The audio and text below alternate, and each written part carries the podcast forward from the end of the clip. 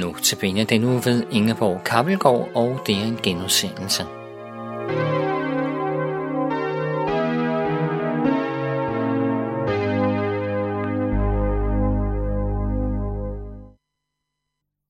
Festmåltid for Jesus. Vi læser fra Johannes 12, 1-8. Seks dage før påske kom Jesus til Betania, hvor Lazarus boede. Han, som Jesus havde oprejst fra de døde. Der holdt de et festmåltid for Jesus. Martha sørgede for maden, og Lazarus var en af dem, der sad til bord sammen med ham. Maria tog et pund ægte, meget kostbar nardusolie og salvede Jesu fødder og tørrede dem med sit hår. Og huset fyldte sig duften fra den vellugtende olie.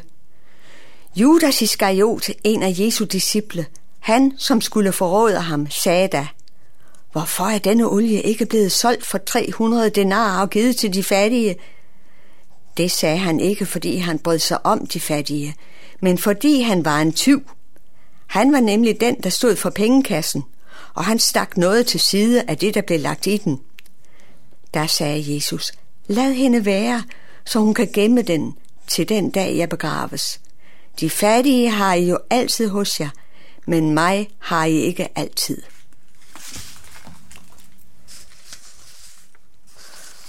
Husker du, hvordan det var første gang Jesus kom på besøg og Martha svedte ude i køkkenet og følte, at hun stod alene med ansvaret, og alle svigtede hende, og hun var bare så alene. Der er en helt anden atmosfære i hjemmet denne gang. Der står ikke noget om, at Martha hersede med Maria, at hun dirigerede med alle andre, men bare, at der var festmåltid, og Martha stod for maden. Der er sket noget med Martha i den tid, hvor hun har været præget af Jesus. Vi præges af dem, vi omgås. Hun er stadigvæk den energiske, initiativrige, spontane Martha. Men hun har lært at bruge sin energi og nådegave til glæde for Jesus og til glæde for medmennesker. Det kan mærkes på mennesker, der har levet i nær kontakt med Gud. Min bedstemor var utrolig dygtig til at styre et hus, og var en, der stillede krav både til sig selv og sine medmennesker. Men som gammel var hun præget af en speciel mildhed og ydmyghed, samtidig med at hun var slagfærdig og stadigvæk var aktiv. Hun bad og lyttede meget til Gud. Hun havde lært, at hendes handlekraft og styrke måtte lægges i Guds hånd, så det blev til glæde og velsignelse for mennesker og ikke det modsatte. Har Martha, Maria og Lazarus vidst, at Jesus snart skulle lide døden? Jesus havde forsøgt at forberede sine disciple. Der står sådan i Matthæus 16, 21-23. Fra da af begyndte Jesus at lade sine disciple vide, at han skulle gå op til Jerusalem og lide meget ondt af de ældste og ypperste præsterne og de skriftkloge, og slås ihjel og opstå på den tredje dag. Der tog Peter ham til side og begyndte at gå i rette med ham og sagde, Gud bevar dig, herre, sådan må det aldrig gå dig. Men Jesus vendte sig om og sagde til Peter, vi er bag mig, satan, du vil bringe mig til fald, for du vil ikke, hvad Gud vil, men hvad mennesker vil. Denne festmiddag fandt sted dagen før den store folkeskare gik Jesus i møde med palmegrene og hosianeråb.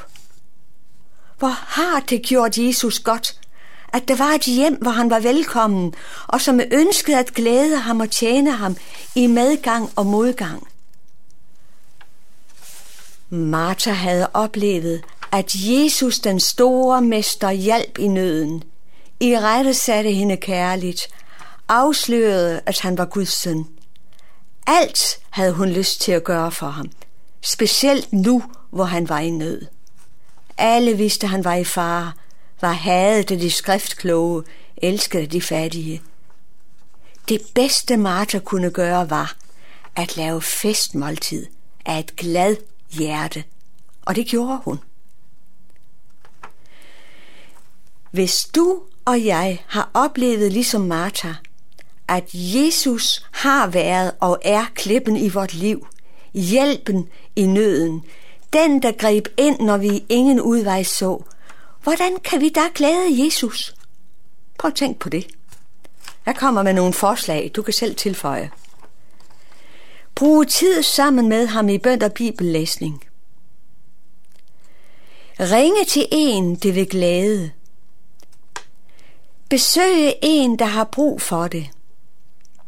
Vær opmærksom og se, hvem der har brug for praktisk hjælp.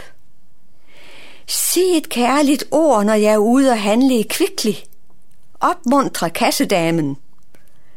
Hjælp dem bagved og foran deres sure. Hjælpe en nabo, og så videre. Brug fantasien. Bed om idéer og kærlighed.